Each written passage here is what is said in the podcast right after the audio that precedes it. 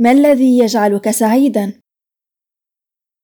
العمل المردود المالي الشهادات الجامعية أو الحب أو العائلة أو الرفاهية والشهرة. شي مره سالنا حالنا إيش هو الشي اللي يخلينا سعداء؟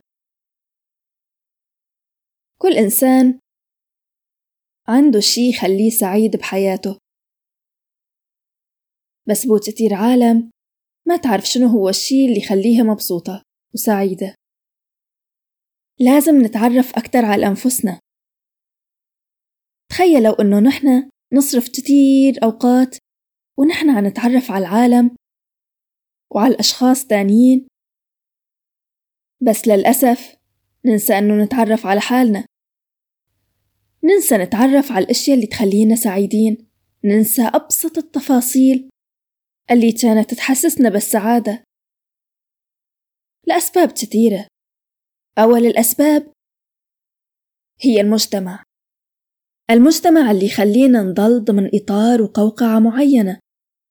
مفصلة من قبل المجتمع. ونحن لازم نكيف جسمنا وأهدافنا وسعادتنا لحتى تناسب المجتمع هاد لحتى نقدر نتأقلم معه. لما أنت تكون عتساوي شي وحاسس إنه عتساويه بس لأنه المجتمع وده هيج؟ ارجع فكر مرتين.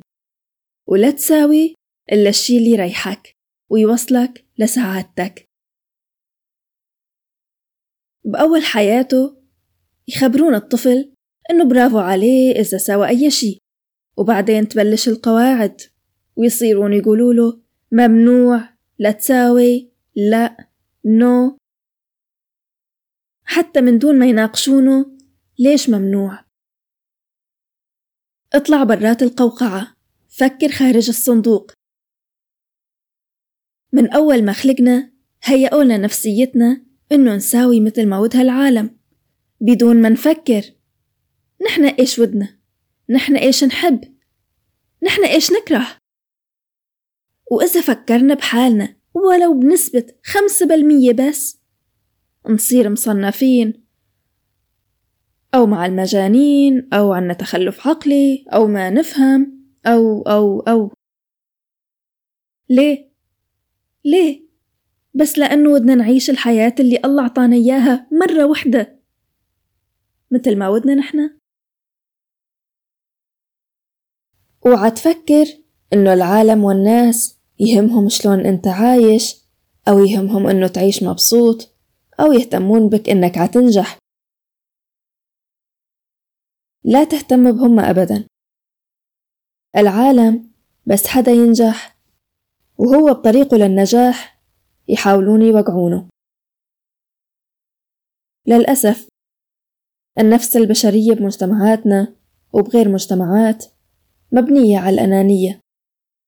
وماشيين على المبدأ إذا كنت أنا لا أستطيع أنت أيضا لا تستطيع. وهذا المبدأ مثلوه بتجربة على السلاطعين. جابوا مجموعة من السلاطعين وحطوهن بحوض واحد. وكل ما جرب سلطعون إنه يعربش ويحاول يطلع بلشوا باقي السلطعونات يشدونه وينزلونه لتحت.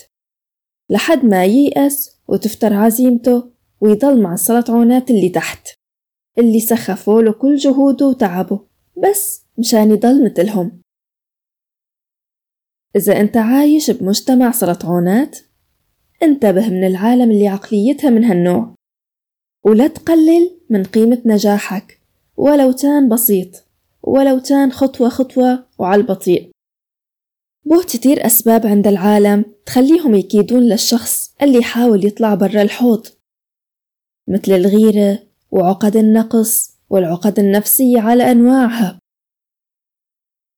لا تخليهم يأثرون عليك. وعيش بالطريقة اللي أنت تختارها. وانجح بالشي اللي أنت تحبه. وانجح بالطريقة اللي تخليك ما تخسر نفسك.